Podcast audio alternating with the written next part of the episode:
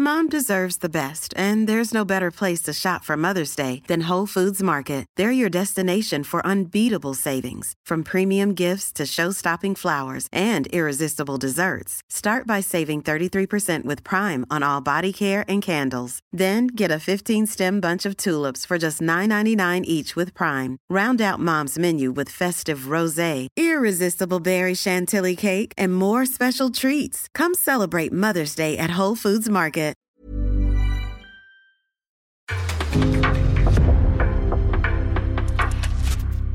En podcast från Aftonbladet.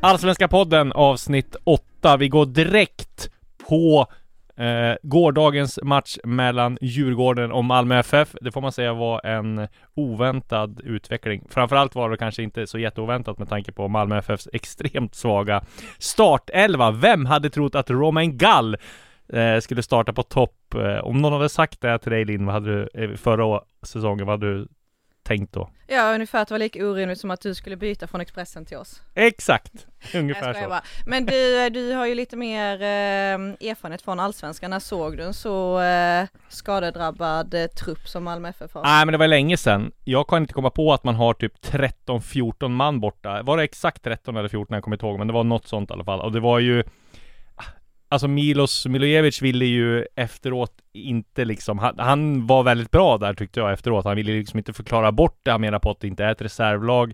Han menar på att Roman Gallen har gjort 16 år i Allsvenskan, Martin Olsson är rutinerad.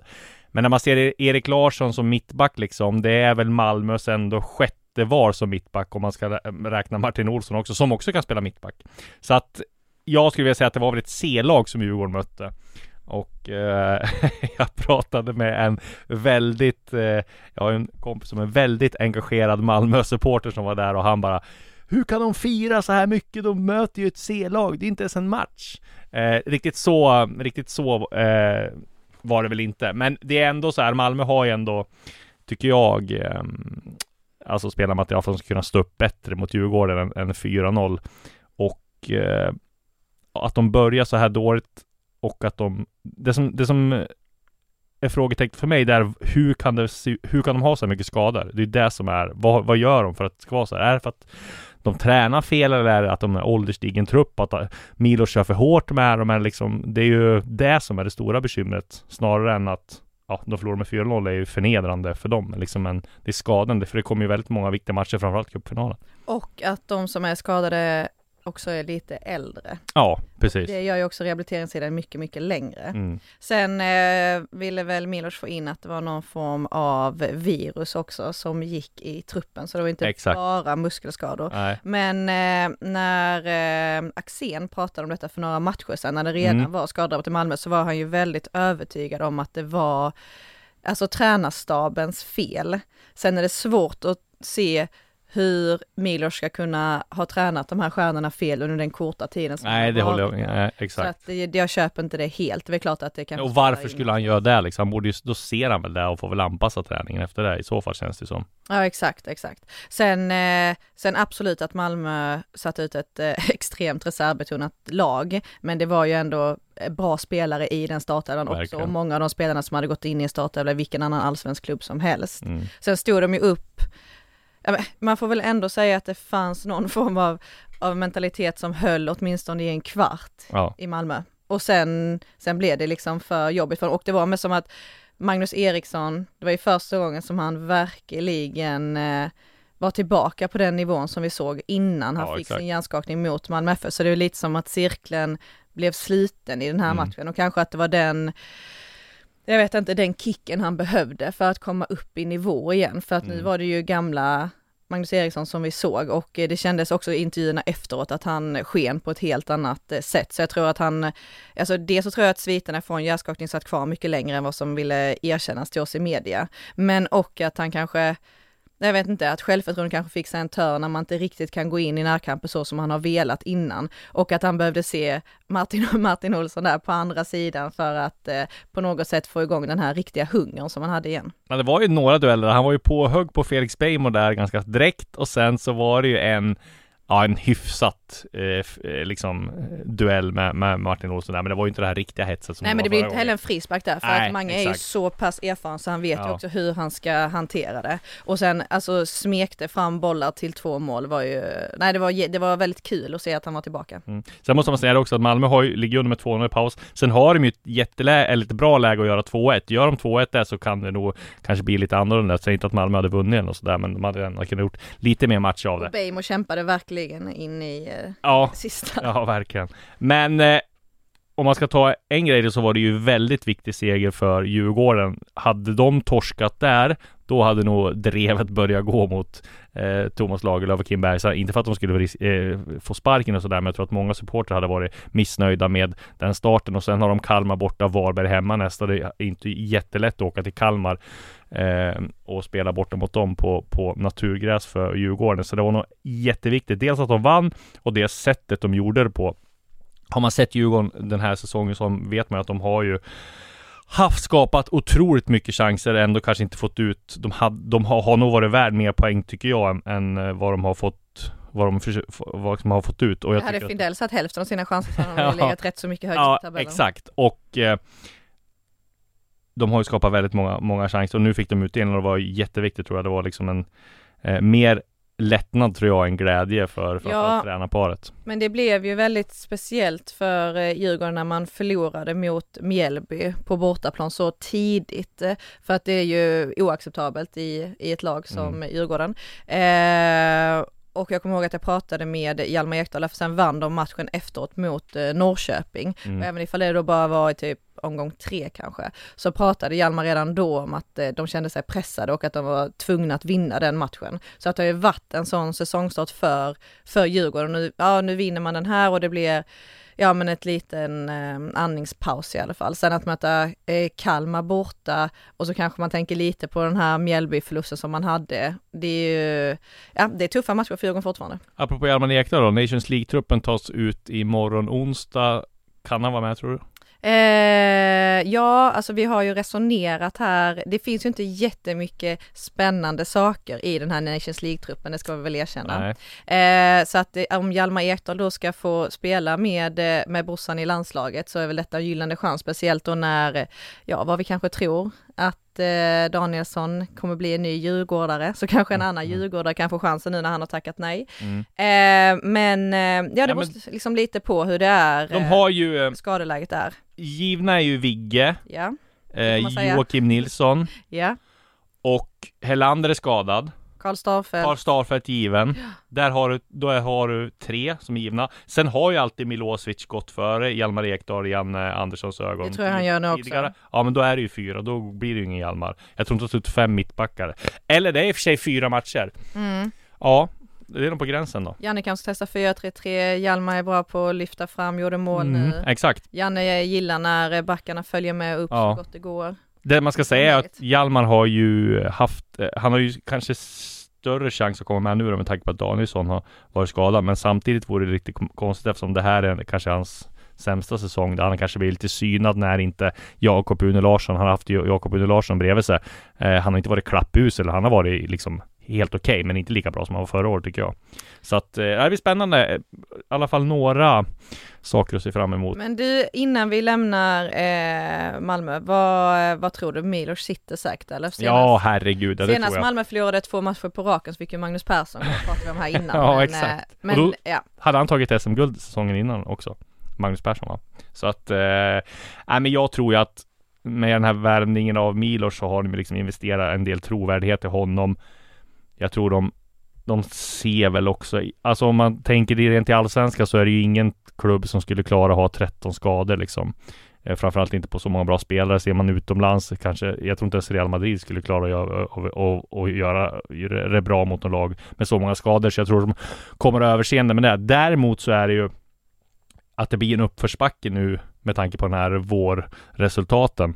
Och blir det inte SM-guld eh, då är det såklart, men jag tror att han sitter ju jättesäkert än så länge. Det är liksom inget, inget problem så. Däremot så tror jag att det kan bli liksom, det blir jobbigare med tanke på att eh, de, de halkar efter. Ja, och det är ju jättetråkigt för de spelarna som är skadade och för, för hela Malmö FF, men det blir ju en, en väldigt fin nerv i allsvenskan när de Mm. inte drar ifrån. Nej, så blir det. Men sen är, så är det så här också, nu kommer en cupfinal här, nästa vecka vinner de den så är det liksom guld och gröna skogar igen. Det var lite som en lustig sa att eh, ena dagen i allsvenskan, det är det som är charmen med allsvenska dagen. Ena, dag, ena veckan är det kris, andra är det liksom, då är lagen hur bra som helst. Så att det är väl charmen med det. Du, innan vi går vidare till nästa match, ett Mm. annat superderby, så var ju du, har ju du varit iväg på en resa igen. Du och en viss Erik Niva. Mhm. Du, jag var mest, eh, jag satt ju, dels så hoppades jag på faktiskt att ni skulle ha fått åka ner till Odense. Det är Mm. ju att de skulle Röstade du på det? ja, jag röstade på Björn Westström. Det hade jag velat eh, sett eh, er två med, eh, med Björn Westström och eh, Andreas Alm också som Ja. är där. Det hade varit grymt. Det blev ju inte så, men det blev ju en annan eh, jätterolig grej med Simon Tibbling. Eh, berätta om det mötet. Jag hoppas inte heller att Björn såg den omröstningen, för det var inte, det var inte många procent som eh, va- kliade Björn i skägget Vad fick. vad konstigt, tycker jag i alla fall. Ja, men eh, det är one day you're in, one day you're out. Ja, så är det. Eh, ja, det var ju supermysigt att få träffa Tibbling och eh, Ja. hans eh, flickvän. Hur gick det till när ni, eh, Niva ringde där hans flickvän först och fick tag på honom på något vis, eller hur Ja, vi fick ju några nummer eh, inskickade. Det är inte så att eh, Niva har ju inte ett dåligt kontaktnät om han Nej. lägger ut någonting på, på Twitter eller på Nej, eh, på precis. Instagram. Då tar det spinn. Ja exakt och det, Ja. ju- det finns väl också människor som, eh, som gärna vill imponera på Mm, honom. det kan så jag att, tänka så att, ja men det, det ramlade in eh, nummer. Ja. Eh, och sen så eh, ringde Niva till hans eh, otroligt härliga flickvän Mm. och eh, Simon Tibbling är ju då föga förvånande en av de spelarna som har flygplansläge på när han tränar. Okej. Så att eh, det var ju, eh, det var ju total radioskugga. Ja. Så när han slog på den mobiltelefonen efter att han liksom hade varit eftersökt på Aftonbladets första sida Ja. i flashar och via Erik Nevas Instagram och Twitter så var det rätt så många meddelanden som slogs emot honom där. Det var fullt tryck i Tibblings eh, iPhone. Ja, och sen så fick han ju då en revansch eh, på det här fotbollsquizet Quizet, som ja. han eh, förlorade 2017. 17. Eh, och det var supertrevligt. Eh, Mm. Han var ju eh, på ett eh, strålande humör. Jag var jätte, jätteimponerad då att man bara släpper in eh, oss i liksom lägenheten på det sättet. Ja. Eh, och sen pratade vi lite om Djurgården med honom. Mm. Eh, vad han har för relation med eh, Bosse och då berättade han att han eh, var på Bosses eh, sommarställe i somras senast. Och då slog det mig om Bosse liksom har ett schema över hur de här ex-djurgårdarna får komma hem Jaha. till honom på sommaren. Ja. Eller om det är öppet hus ja, det är nog öppet hus där tror jag. hela tiden. Ja, det tror jag. Nej, det De har ju väldigt många mm, så att säga, get-togethers där ute med laget också när de ska ha lagsammanhållning. Då åker de ut till hans landställe och så har de fiskar dem och sådär. Att, Men, eh, eh, nej men eh, summa summarum, det var väldigt trevligt att träffa Simon Tibbling eh, och eh, vi var ju även i eh, Mechelen, mm. där det var Gustav, Gustav Engvall och ja, Kerim Rapti. Exakt, var väldigt, det var ju något jag verkligen kan rekommendera. Mm. Otrolig fotbollsstad, otrolig stad. Simon Tibbling är för övrigt den enda tror jag, om jag har räknat helt rätt, ur guldgenerationen 2015 som inte har fått chansen i A-landslaget. Alla andra har fått det. Det är helt sjukt.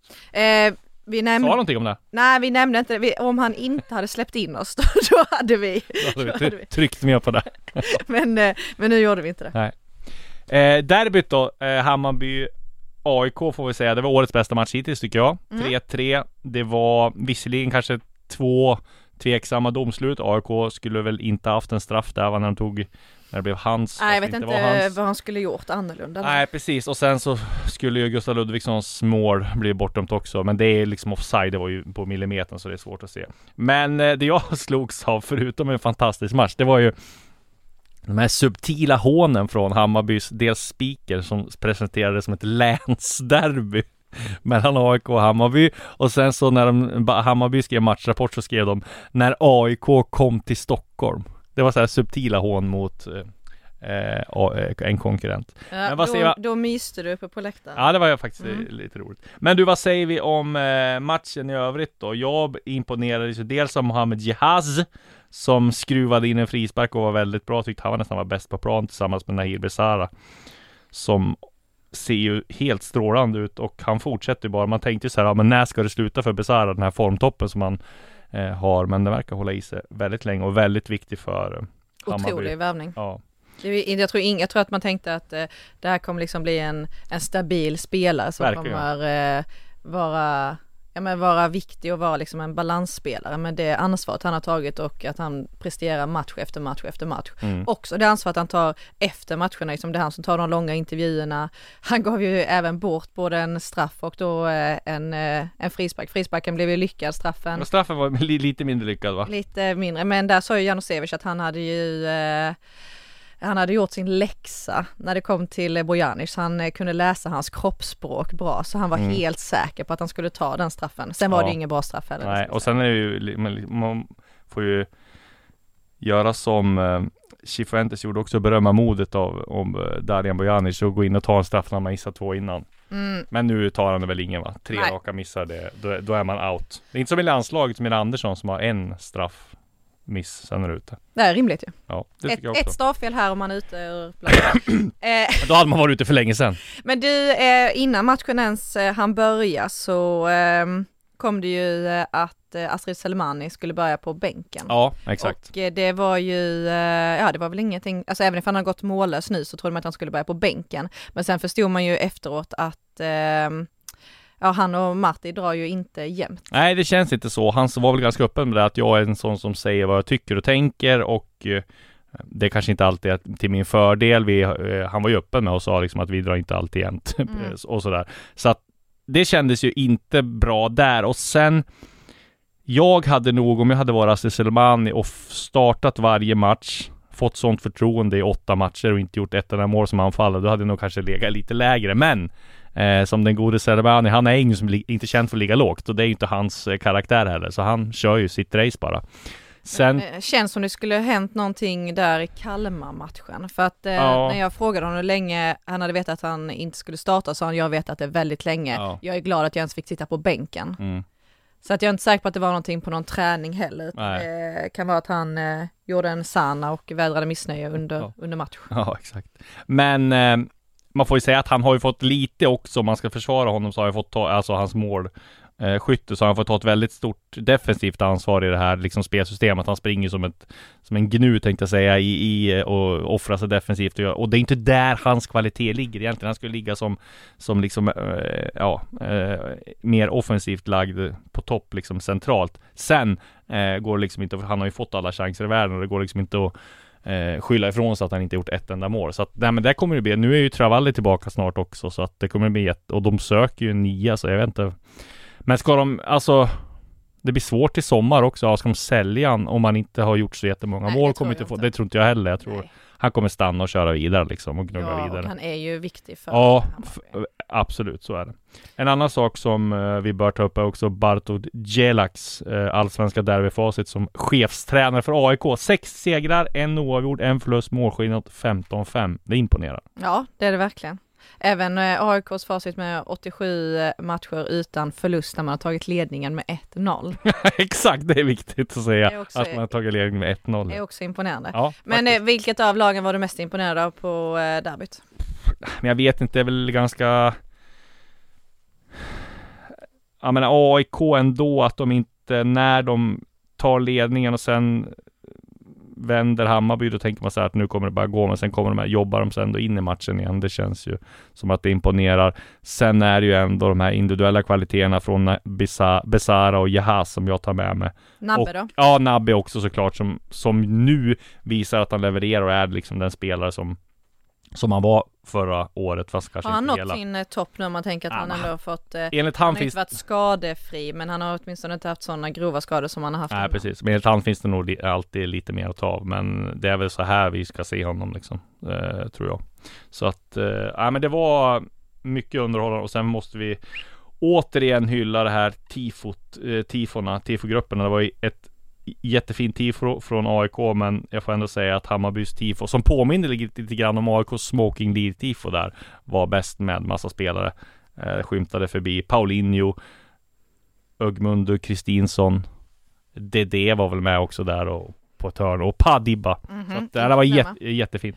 Men du, eh, vi gav ju Jordan Larsson väldigt eh, låga betyg. Ja, Eh, blir han bortplockad? Eh, har han inte kommit in i det? Alltså, nej men han har ju varit väldigt viktig för AIKs spel. Just den här matchen så var han ju helt osynlig precis som Williot Svedberg var. Men där tror jag liksom att både Hammarby och AIK identifierar vilka, vilka som liksom är de farligaste spelarna. En, en av de farligaste och stängde ner Jordan helt. För han har ju varit så viktig i AIKs liksom omställningsspel och det här att de kan ligga på kontring och sådär. Så att jag tror han hade extremt tufft, precis som Williot Svedberg hade. Eh, Men jag har ju svårt att se att han ska liksom knäckas av det här och få någon form av formdipp nu. Men det är klart att han sa ju efter matchen också att han hade det tufft liksom. Mm. Och det syntes ju att Hammarby hade gått in för liksom att, att stänga Jordans ytor. Ska vi säga någonting om gräshånet eller ska vi lämna det och gå vidare? Ja men får ändå ge Sotta att det var jäkligt bra gräshån ändå. Det, nu tycker jag det är så här i mixade zoner, precis som att den här domardebatten blir jättetröttsam när man ser på sociala medier att det är sågning av domare. Vissa gånger befogade, vissa gånger kanske inte lika befogade. Eh, så är den här konstgräsdebatten också väldigt tröttsam, men man får ändå ge eh, Sot, äh, Sotiris Papagiannopoulos i AIK att det var ett subtilt och fint hån där. Eh, dels så var han och Milosevic starkt kritiska mot gräset i mixade Ja, zonen. men Jag och Sebastian Larsson hade ju förberett sitt svar till mig. Ja. Alltså jag behövde ju inte ens, eh, jag tog ju honom direkt på, på planen. Vi kan lyssna vad Sebastian Larsson sa. Larsson, hur eh, känns det efter slutsignalen? Eh, Okej. Eh, man vill ju alltid vinna de här matcherna, men vi ligger under två gånger och, och det är klart, vi kvitterar relativt sent. Så att, eh, en tuff vecka, tredje matchen. Eh, tuffa motståndare. Bortaplan på, jag vet inte vad det här är, så vi får väl ta med oss en poäng och jobba vidare. Vad, eh, vad säger du om underlaget? Jag vet inte, om, det är sån här gammal dörrmatta man hade kanske när jag föddes 85 som, som eh, är så. Men inte att jag skyller på det, men det är tråkigt att spela fotboll på sånt. Ta oss igenom matchen, det hände väldigt mycket. Eh, ja, det gör det. Vi, vi, vi tar ledningen. Eh, spelar dålig fotboll offensivt men är väldigt kompakta och de, de hotar oss inte. Eh, sen eh, har jag varit tillsagd och sågat ett, ett tydligt offside-mål, kvittering. Eh, frisparksmål så är det ju tufft sen. Eh, sen har de en straff, missar. Vi får straff, 2-2. Frispark igen, 3-2 och sen Nabbe 3-3, så en svängig match. Vad säger du om eh, offside-målet? Ja, offside är offside liksom, på en fast situation. Det, det är ingen som gör något med flit, men det är klart att det... Och sen åker vi på ett till eh, kort därefter. Det, det, det, vad ska jag säga? Eh, det är ingen som gör något med flit, men offside på en fast... Jag inte, det borde vara det lättaste säga. Känns 3-3 som ett värdigt resultat? Jag vet inte. Hammarby har ledningen två gånger. De kommer säkert tycka att de borde ha vunnit matchen liksom. Men, men eh, som sagt, det känns som... Så länge vi har 1-0 så kontrollerar vi det väldigt bra och har ju lä- mer, bättre lägen att göra 2-0. Men nej, vi har en konstig match, svängig match. Så vi får ta 3-3 och jobba vidare. Mom deserves the best, and there's no better place to shop for Mother's Day than Whole Foods Market. They're your destination for unbeatable savings, from premium gifts to show-stopping flowers and irresistible desserts. Start by saving 33% with Prime on all body care and candles. Then get a 15-stem bunch of tulips for just $9.99 each with Prime. Round out Mom's menu with festive rosé, irresistible berry chantilly cake, and more special treats. Come celebrate Mother's Day at Whole Foods Market. Ja, det var ju bra att både han och jag kunde hålla oss där. ja, exakt. Nej men Sotte gjorde ju det här att han gick ut på Instastory sen och la ut Bauhaus konstgräs till reapris 39 spänn eller vad det var. Det var lite roligt faktiskt. Mm. Men, eh, nej men alltså det, det är ju jättekonstigt både på Friends Arena och på Tele2, de liksom som har kostat miljarder att bygga, eh, tänkte jag säga, så klarar de inte av att få liksom gräsmattan, även om det är konstgräs och även om det är naturgräs, det är ju under all kritik och det måste ju vara eh, liksom trist för spelarna också. Mohamed Jahaz sa ju det i mixade zonen. Ja, men ska eh, AIK behöver inte klaga. De kom hit och spelade på det här en gång. Vi får liksom dras med skiten i varje träning. Mm. Att- Imitationen 1 plus. Nej men det var inte hans imitation alls. Det var ju bara att Ja, men mål går att göra Ja, det i alla fall. 4-0 exakt. igår och 3-3 i Ja, derbyt. precis. Det får vi se det positiva, att det blir väldigt mycket mål. Eh, en annan match som var extremt viktig för båda lagen eh, var den mellan Degerfors och Hel- Helsingborgs IF. Slutade 2-1. Eh, Abdou Saidi gjorde mål igen. Det här är ett av hans lättare. Han gjorde 2-0 eh, framför en tysk klubb från Zweite Bundesliga som har varit och scoutat honom. Och där får man ju säga att eh, Degerfors har ju vaknat till liv nu och det var väl lite väntat också att de skulle få en boost av vändningen mot Sundsvall, eller vad säger du? Ja, det får man ju, annars hade det varit eh, riktigt tungt om man Ja. skulle få med sig riktigt mycket energi från den, eh, från den vändningen. Eh, det är eh, Ja, men det är väl kul att Degerfors är tillbaka. Det kändes ju som att det var så himla mörkt både för dem och för eh, Sundsvall. Mm. Ja, Sundsvall, det kommer vi ju till. Ja precis, men jag menar på att Degerfors har ju ett spelarmaterial spelare för spelare som jag tycker inte ska ligga där nere i botten. Alltså de ska vara ett hyfsat stabilt nedre mittenlag om man säger så. Med tanke på spelarmaterialet och sådär. Men du får väl se nu om de kan fortsätta det här. Däremot är det ju en jätteviktig seger mot en bottenkonkurrent Helsingborg som det kommer börja eh, kommer pyra i nu. Ja, Mm. Jörgen Lennartsson har varit ifrågasatt tidigare. Var ju på vippen och inte ta upp dem till, till allsvenskan. Gjorde det, så det är klart att han har ett ganska stort mandat i klubben också. Han Granqvist har ju haft Han är som också väldigt spelare. erfaren, så när det kommer Exakt. knorra eller gnissla så Ja. han vet hur det ska Exakt. hanteras. Och jag tror ingen klubb gör någonting innan sommaruppehållet. Alltså de kommer, om de ska göra någonting så kommer de göra det. Eh, spela sista matchen, ta sommaruppehållet, ta några veckor och tänka, sen göra någonting. Eh, och det är såklart att de kanske, om de funderar på det så börjar de påbörja processen nu och kolla med någon tränare och sådär. Men jag tror inte, jag tror inte det kommer hända någonting än. Sen är det ju en ekonomisk fråga också, att sparka tränare. Jag tror Sundsvall Ja, vi kommer till det också, men de har väl inte så jättemycket pengar och de ska skaffa en ny tränare utifrån blir det dyrt och sådär. Men vi kan konstatera i alla fall att um, Helsingborg och Jörgen Lennartsson har det tufft. Degerfors har vaknat till liv och vi ska faktiskt prata med eh, Abdo Saidi som är med oss nu och där pratar han lite grann om vad eh, vändningen mot GIF Sundsvall gav och förtroendet för tränarna. Vi lyssnar på vad han har att säga här.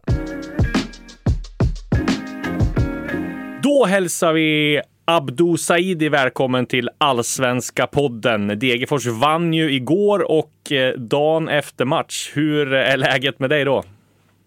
Jo, det, eller först och främst tack så mycket. Eh, och det känns eh, riktigt bra idag. Härligt. Du, berätta lite grann om eh, segern senast. Eh, vi, vi, vi jobbade hårt för varandra, eh, speciellt defensivt. Vi har haft problem med det. Eh, och sen det offensiva kom efter. Efter det, det hårda jobbet som vi gjorde defensivt. Vi fick våra chanser, vi tog vara på det och ja, det var så vi vann matchen. Mm. Vad, vad sa, vad var liksom vad er matchplan? Vad sa ni innan? Eh, först och främst att vi ska komma lite högre upp än vad vi, var, alltså, vad vi gjorde mot Sundsvall. För vi var riktigt låga i överlag mot Sundsvall. Eh, vi tänkte vi måste kunna pressa dem. Och sen eh, de första 15-20 fokusera på att inte släppa in mål och att vi ska göra mål istället. Och Mm. vi lyckades med det. Jag tror vi gjorde mål efter 10 minuter. Och eh, efter det så ska vi kunna spela vårt spel för vi har ändå kommit, eh, vi kom med ett självförtroende. Och du gjorde mål i 78 minuten, 2-0. Berätta om det här målet. Ja, jag, det var ett enkelt mål. Eh, men jag såg att Kalin sköt och eh, jag har alltid sagt till mig själv alltså, jag ska alltid gå, gå på retur oavsett vad. Och det gjorde jag och jag var där på plats och gjorde ett enkelt mål. Alltså, det var inget svårt, det var att skjuta in den. Nej. Men vad säger du annars om din målform då? Delad trea va? I Allsvenska skytteligan. Ja, det, det är riktigt sjukt. Det är inget jag trodde jag skulle Nej. göra i år. Eh, speciellt efter den tuffa starten. Men eh, ja, jag kan inte klaga. Alltså, det är bara att fortsätta. Vad känner du själv att du har utvecklat och under den här säsongen? Eh, eh, djupledsspelet skulle jag nog säga. Mm. Det har utvecklats mest i. Eh, snacket, pusha mina lagkamrater. Det tycker jag också jag har utvecklats riktigt bra med. För, för alltså typ förra året så kunde jag bara tappa det och börja skrika och vara negativ och såna här grejer. Men eh, jag har sagt till mig själv nu att det är viktigt att vara positiv och hjälpa lagkamraterna även när de gör fel. Och jag ska också komma ihåg att jag gör också fel. Mm. Så jag har utvecklats på de två bitarna och så jag har alltid haft det här att jag kan springa mycket och jobba hårt. Det har jag alltid haft. Så, ja. Du, två får man säga otroligt viktiga segrar för er nu mot eh, bottenkonkurrenterna här. Liksom ta matchen mot Sundsvall igen, den, känns, den kan man inte prata för mycket om. Vad, Ja. Vad betydde den vändningen och hur upplevde du den liksom? Det är den sjukaste matchen jag har spelat i alla fall någonsin i min Ja. karriär. Eh, och eh, att göra tre mål på 10 minuter, alltså det är fantastiskt från hela laget. Alltså det alltså alla som var där trodde matchen var död efter 2-0 men eh, vi fortsatte, vi trodde på det och vi tänkte skitsamma, alltså vad fan kan hända? Vi bara körde och sen ja, tre mål. Och så kommer vi med ett självförtroende eh, mot Helsingborg. Eh, veckan innan Sundsvall, eller den träningsveckan mot Sundsvall, så hade vi ett riktigt bra träningspass. Eh, nu innan Helsingborg hade vi alltså ett ännu bättre tränings, eh, alltså, träningsvecka. Mm. Och det har bara blivit bättre och bättre känns det som. Och eh, jag hoppas vi kan fortsätta så här. Ta, ta, kanske, jag vet inte, alltså, vi, alltså om vi spelar lika mot Varberg, jag är nöjd faktiskt för de är, de är tuffa där eh, på sin hemmaplan. Ja. Och så nå någonting mot Malmö och sen, sen kan jag säga att vi har gjort det bra. Sen har vi uppehåll ju. ja. Men vi får väl se. Vad, hur liksom har tankarna gått då? En tuff säsong, alltså startade med idel förluster. Hur har liksom förtroendet för tränarna varit och liksom vad har ni sagt själva inom gruppen? Nej, alltså jag, vi spelare har aldrig sagt någonting om att ah, vi vill byta tränare eller någonting. Nej. Eh, vi har en spelargrupp. Det är, det är typ...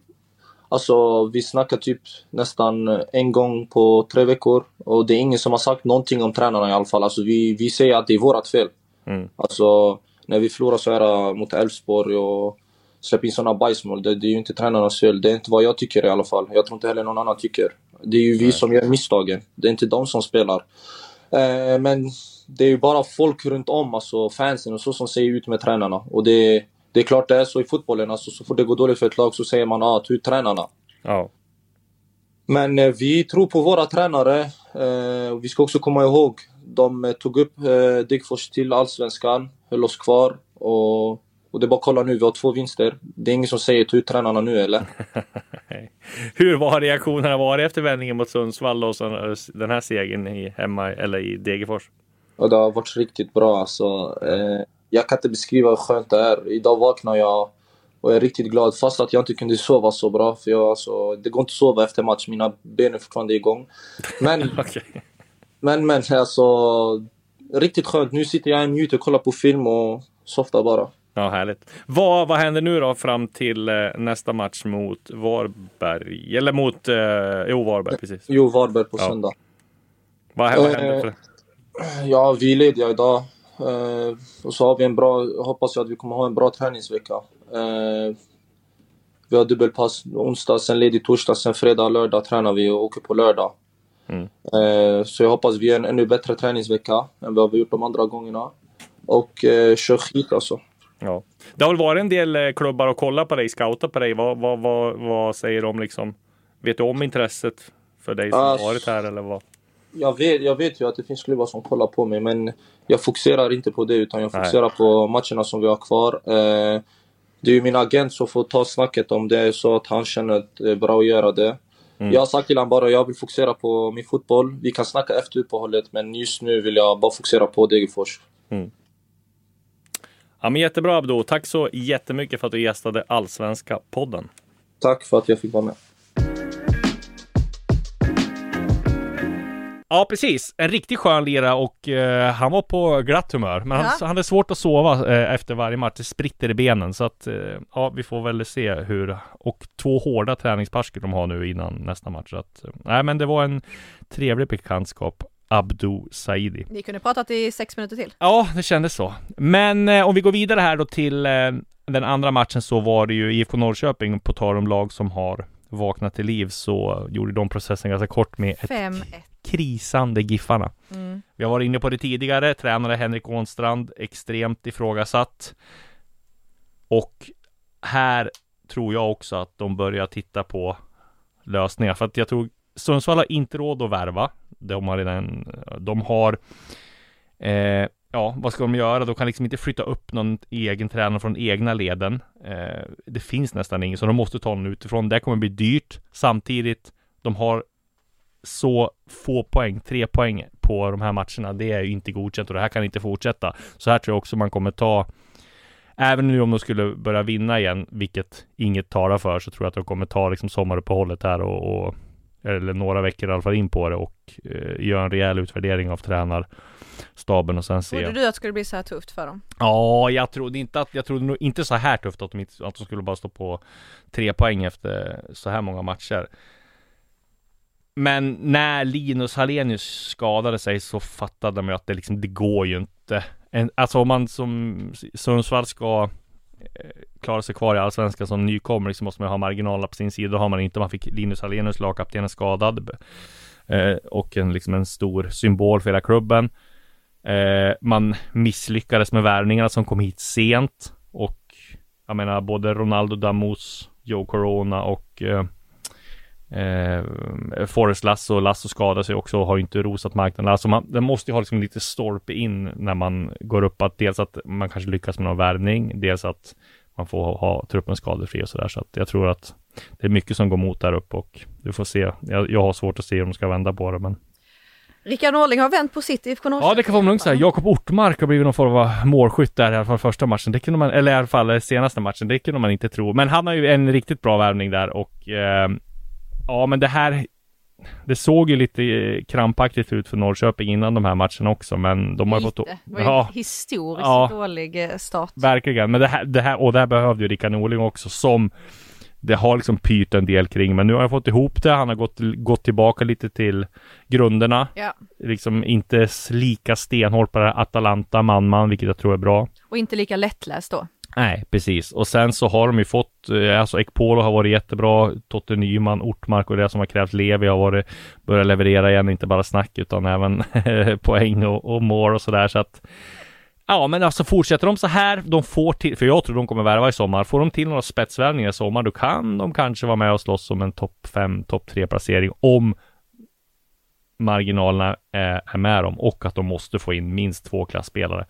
Ska också Men... ge beröm till dem att jag tycker att de hanterade den här tuffa starten på ett väldigt, eh, väldigt bra sätt. Ja, och väldigt ödmjukt sätt. Väldigt ödmjukt sätt ja. och väldigt, och sen eh, ja, har det ju varit tufft för dem med eh, en sjuk lagkamrat och ja, eh, den här tuffa starten eh, ja. resultatmässigt också. Så att eh, jag unnar dem att, eh, att det har vänt. Det är nog viktigt att ha en sån rutinerad tränare som Lika Norling också som har varit med om allt från att åka ur med topptippade Brann. mycket för att han ska liksom kännas pressad. Exakt, och det är nog väldigt viktigt att ha den grunden att stå på.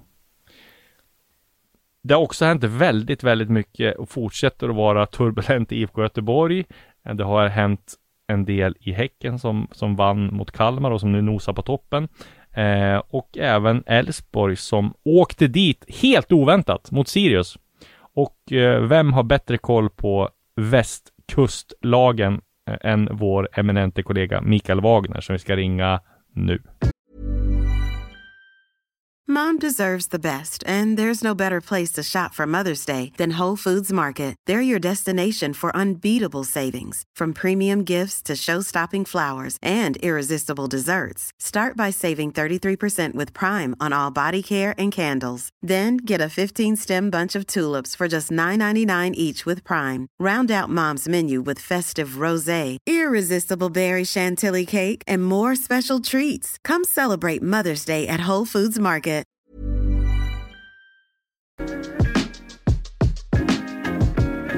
Ja, då anropar vi Mikael Wagner från Göteborg. Du, eh, det har ju varit rätt hektiskt där nere på västkusten också. Du var på plats på Häcken Kalmar va? Eh, mm, vad var din bild av den matchen? 3-1 till Häcken och eh, vad var snackisen efteråt? Uh, ja, alltså Häcken hade väl lite flyt i den matchen om man ska vara helt uh, ärlig och uh, neutral där. Kalmar som fick 1-0 efter en och en halv minut och sen hade 2-0 hängande i luften första halvtimman där Kalmar hade rätt bra grepp om matchen och hade de hade de gjort ett 2-0 mål där i Kalmar så, så är väl eh, den klassiska känslan att då hade matchen varit stängd. Sen hade inte eh, Kalmar lånat ut bollen till Häcken i, i fortsättningen. Men, men eh, häcken, häcken fick, fick sitt 1-1 då. eh, Rygård, Micke Rygård, den här nya danske spelaren som jag gillar verkligen bra, verkligen bra värvning utav, av Häcken.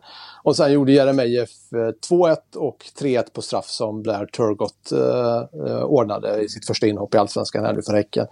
Um, så att um, eh, Häcken är effektivt. Häcken är riktigt bra, riktigt spetsigt. Eh, men de var farligt ute i matchen mot Kalmar trots mm. allt ett bra tag. Kan man dra någon slutsats av hur Turgott såg ut eller vad, vad tror du?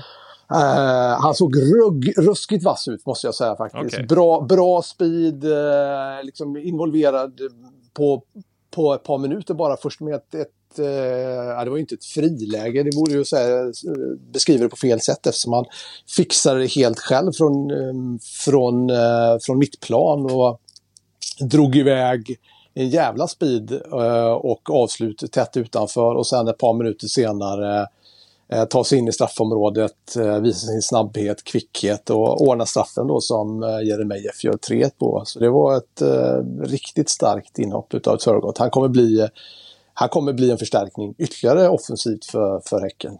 Kan det här vara en, eh, man snackade om guldvärvningar tidigare för, för topplag som har vunnit. Sånt mm. Häcken ska ha mycket till om de vinner guld, men en topp tre mm. eller topp fem värvning kanske? Eller vad, vad tror ja, du? Ja, det, det, ja, det skulle jag vilja påstå att han, han spetsar eller ja, även breddar då den redan väldigt bra offensiv uppställning som, som, som Häcken har. Mm. Um, Eh, sen, eh, och jag antar att du liksom kommer fråga mig om det också med Jeremejeff, för det är ju självklara diskussionsämnet kanske Häcken.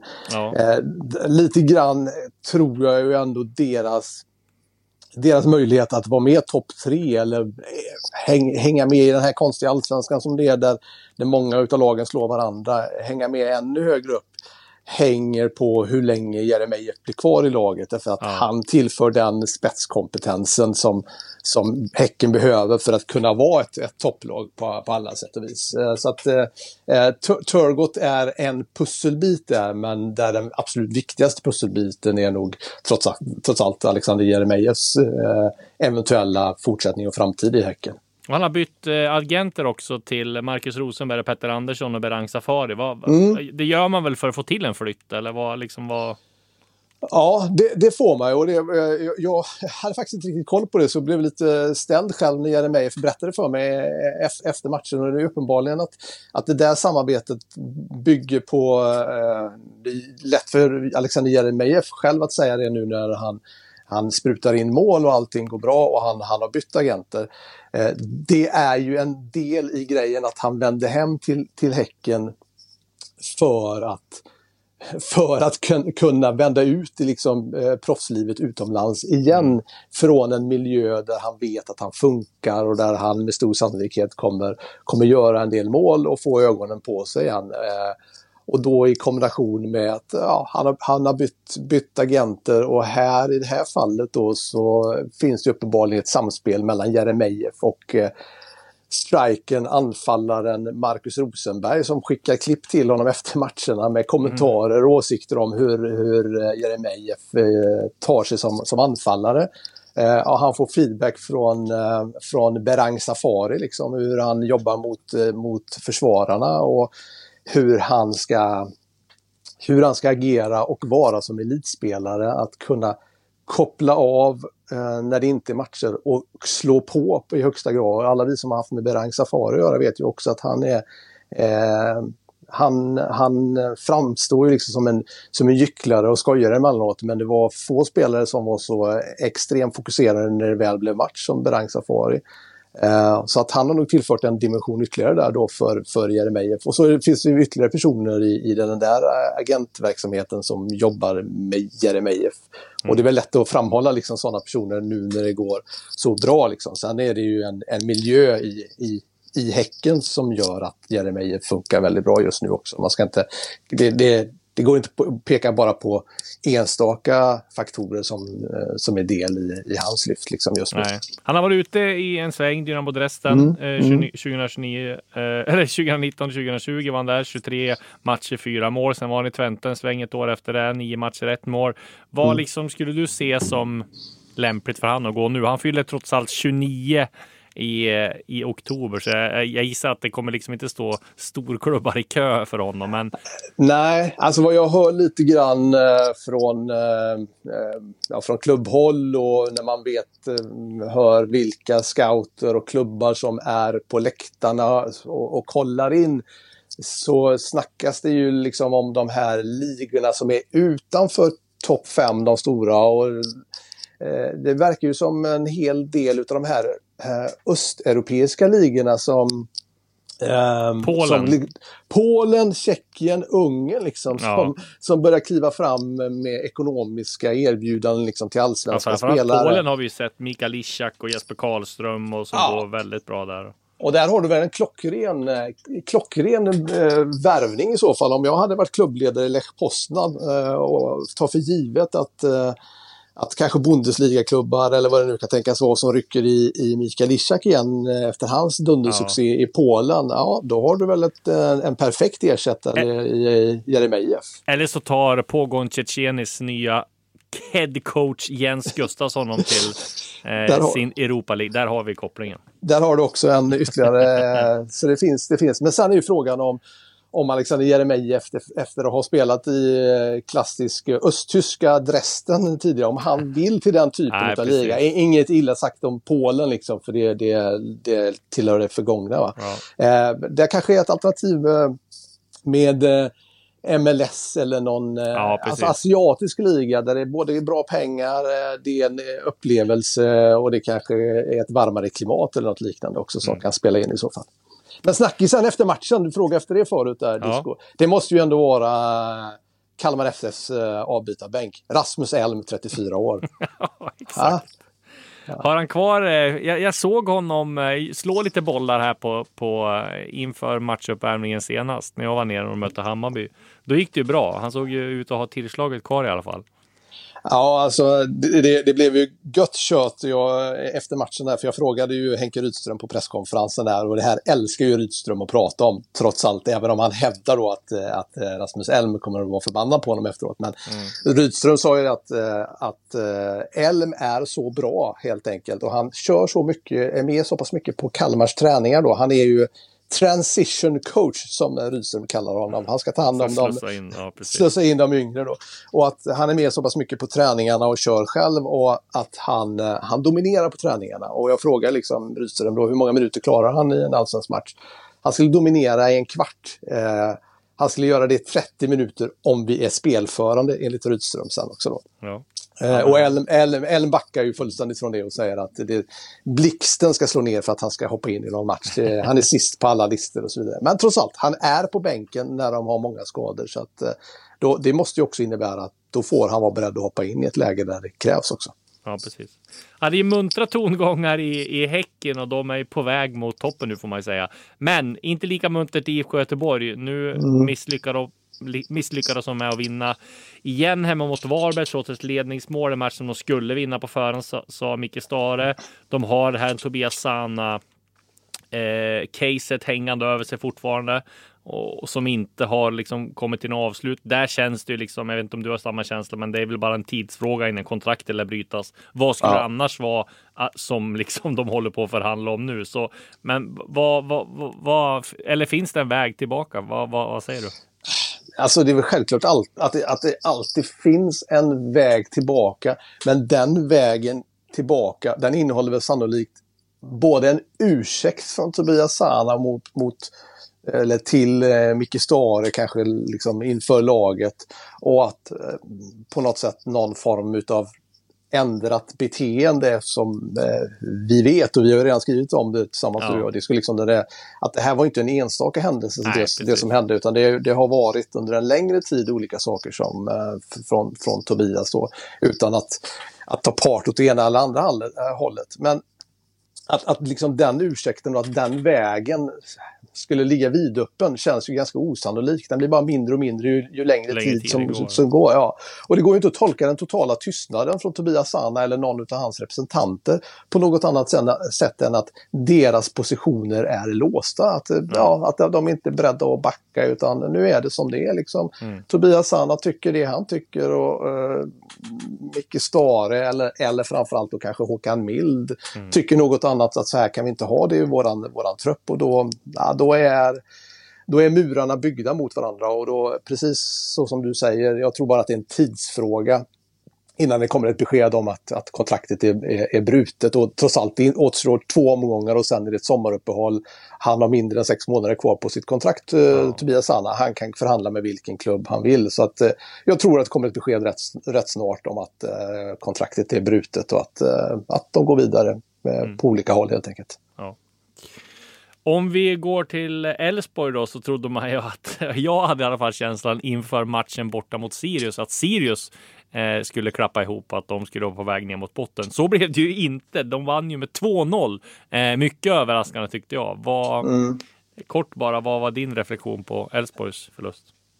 Nu såg jag inte den här matchen, men alltså eh det är för mycket alltså, upp och ner fortfarande känns det som. Ja, exakt. Och, och liksom parallellen Elfsborg-Häcken finns ju där på, på, no, på, något sätt. De är inte helt olika i, i spelstil och var, var styrkorna ligger på ett snabbt konstgräs på, på hemmaplan. Och känslan var ju efter eh, 9-1 var det väl på två matcher där för Elfsborg att nu, nu är de på G. Men då blev det först en reality check eh, hemma mot Djurgården och sen nu den här lite över, överraskande eh, för, förlusten mot, mot, mot Sirius. Äh, de, de får inte till det hela vägen och så de hade den här tunga förlusten mot Helsingborg dess, dessförinnan också. Um, Eh, Ondrejka bänkad, eh, Frick står väl på ett mål totalt. De, de, de får inte till det och det, ojämnheten biter dem ju i svansen just nu helt enkelt. För att det gäller ju att haka på i den här allsvenska toppen eh, innan tåget går på något sätt. Så att eh, ja, de, de måste få till sin spets som de uppenbarligen har i den truppen för att Elfsborg har, har en trupp som, som jag tycker eh, ska vara med topp fem i alla fall. Ja, verkligen. Det måste jag säga också. Du, vad händer härnäst för dig? Uh, det är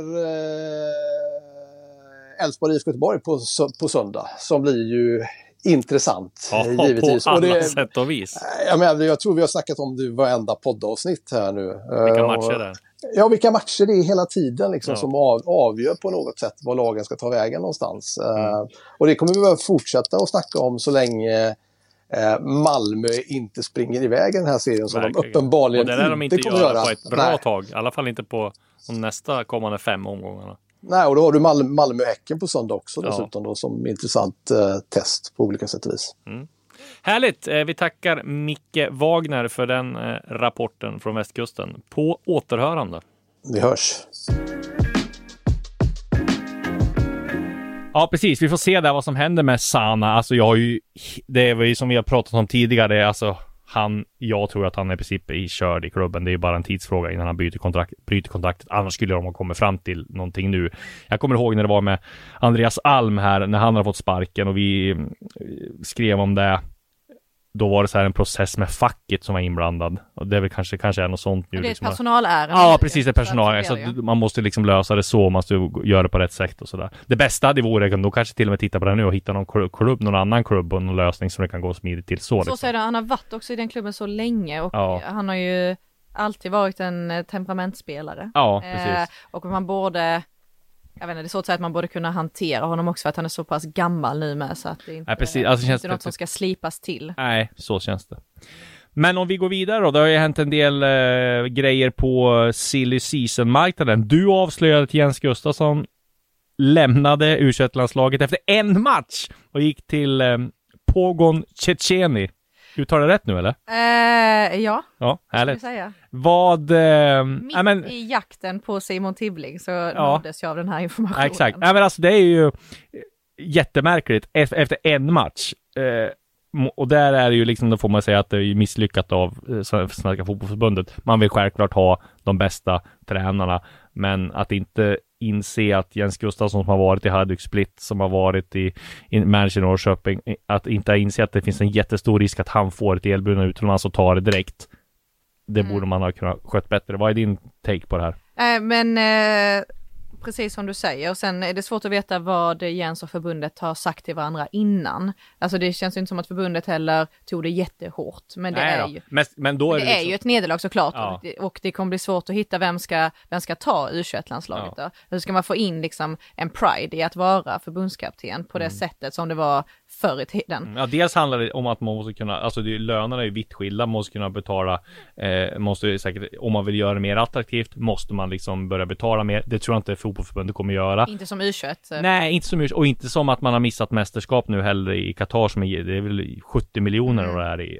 Men det jag tror man måste göra, det är att man måste se över tjänst, man måste ha någon som brinner för att utveckla spelare och inte har den här liksom, jag säger inte, det är absolut inget fel, men det är alla svenska tränare som vill utomlands har ju det här drivet att man vill bli så bra som möjligt. Man måste hitta någon form av balans där man hittar personer som brinner för att utveckla spelare över tid i landslaget och kanske inte de här mest namnkunniga och bästa tränarna. För de kommer försvinna så fort de hittar ett, eller så fort de får ett erbjudande utomlands. Så där tror jag man måste se över strategin hur man rekryterar u förbundskaptener. Andreas Pettersson till exempel tror jag hade varit den perfekta lösningen som u förbundskapten på lång sikt. Men han har ju inte velat vara liksom stått och frontar utan han ville vara mer assisterande. Så jag tror att där har nog förbundet ett jobb att göra. Men det är, det är ändå eh, någonting eh, kul med att det blev en match. Ja, det är faktiskt, det är faktiskt kul. Och att de hade Sen förstår jag ju Jens med att han inte kunde tacka nej. Nej, och det, Alltså, det det, så är det ju helt, eh, så är det ju med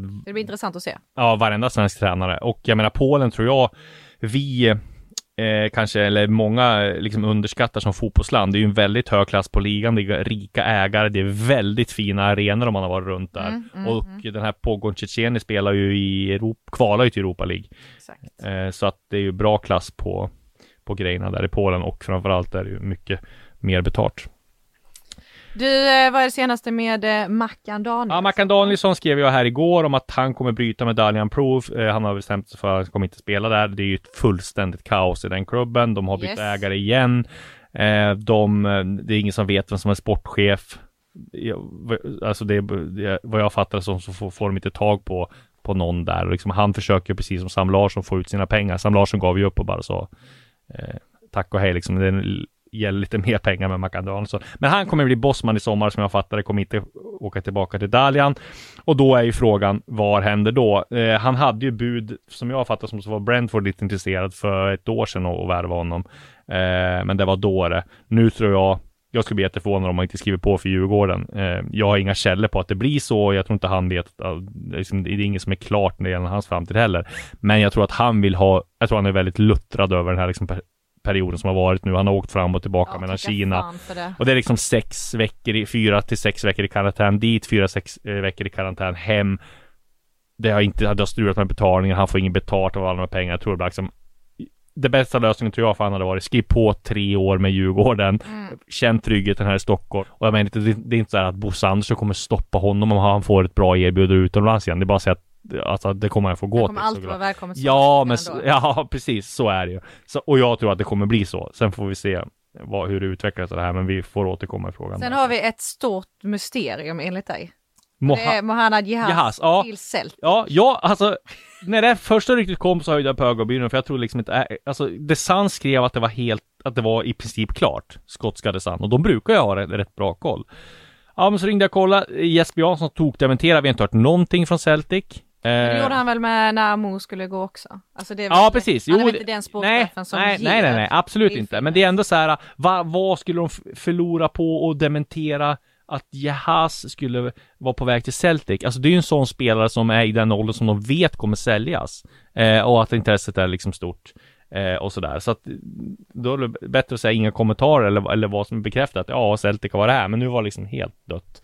Och, eh, Men det för- kanske är en så pass stor affär, det ska ändå vara 20-25 miljoner inblandat i det. Ja, men vad menar du då? Att Ja, att de eh, inte vill eh, säga någonting för att riskera Nej, att göra nej, Celtic så, upprörda. absolut. Nej, så kan det vara. Så Det kan det absolut inte- vara. Det är ju inte ett ovanligt Nej, absolut inte. Men, Absolut men du inte. tycker att det känns... Eh, Nej, jag tycker det känns eh, fishy och att eh, de, deras eh, tränare då, Celtics tränare sa att han visste inte vem Jahas var, att det, stämde inte alls liksom. Så att eh, vi får fortsätta och kolla där. Sen vet jag att de har ju sonderat trängen med en del andra vänsterbackar och kollat för att de vet att han kan försvinna. Men sen om det är till Celtic eller inte, det, det får vi det får vi se.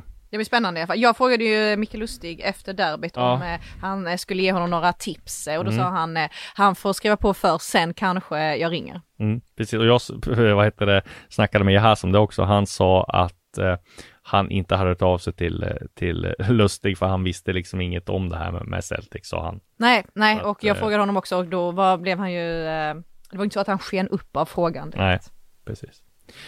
Sen är det Williot Svedberg som vi har skrivit om här tidigare. Förra veckan skrev jag om att en eh, ligaklubb Liga-klubb är beredd att betala, eller vill köpa loss honom och är beredd att betala 50 miljoner i, i ett första skede. Eh, det är Celta Vigo som, som, som ligger på där, som jag fattar det mest. Eh, det har även skrivits om Osasuna, vilket jag inte har några uppgifter på, men de kan säkert vara intresserade också. Men jag bara kollade igenom Osasunas eh, statistik över liksom värvningar då. Jag tror de aldrig har gjort någon värvning.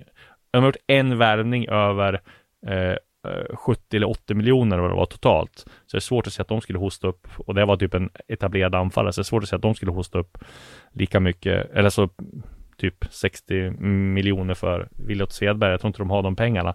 Eh, Celta Vigo har väl gjort en del värvningar i, i rätt stora affärer. Sen har ju de en viss Josef Aido också som har köpt, eh, som har spelat i, i Bayern tidigare. Så att eh, vi får se vad, det, vad som händer där. Det är ju väldigt många klubbar som jagar Williot Svedberg och jag tror inte att han blir kvar mer än två, tre matcher till. Eller alltså två matcher till är det Hammarby har kvar va? Mm, med kuppen så blir det Ja, med, med cupen blir det tre. Mm. Så att jag tror att han försvinner efter det.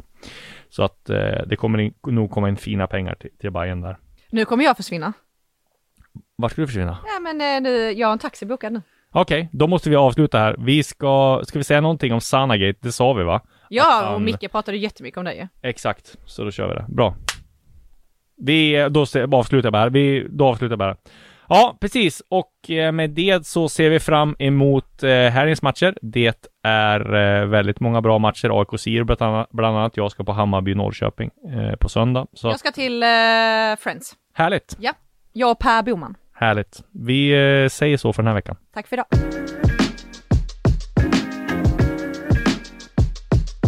Du har lyssnat på en podcast från Aftonbladet. Ansvarig utgivare är Lena K Samuelsson.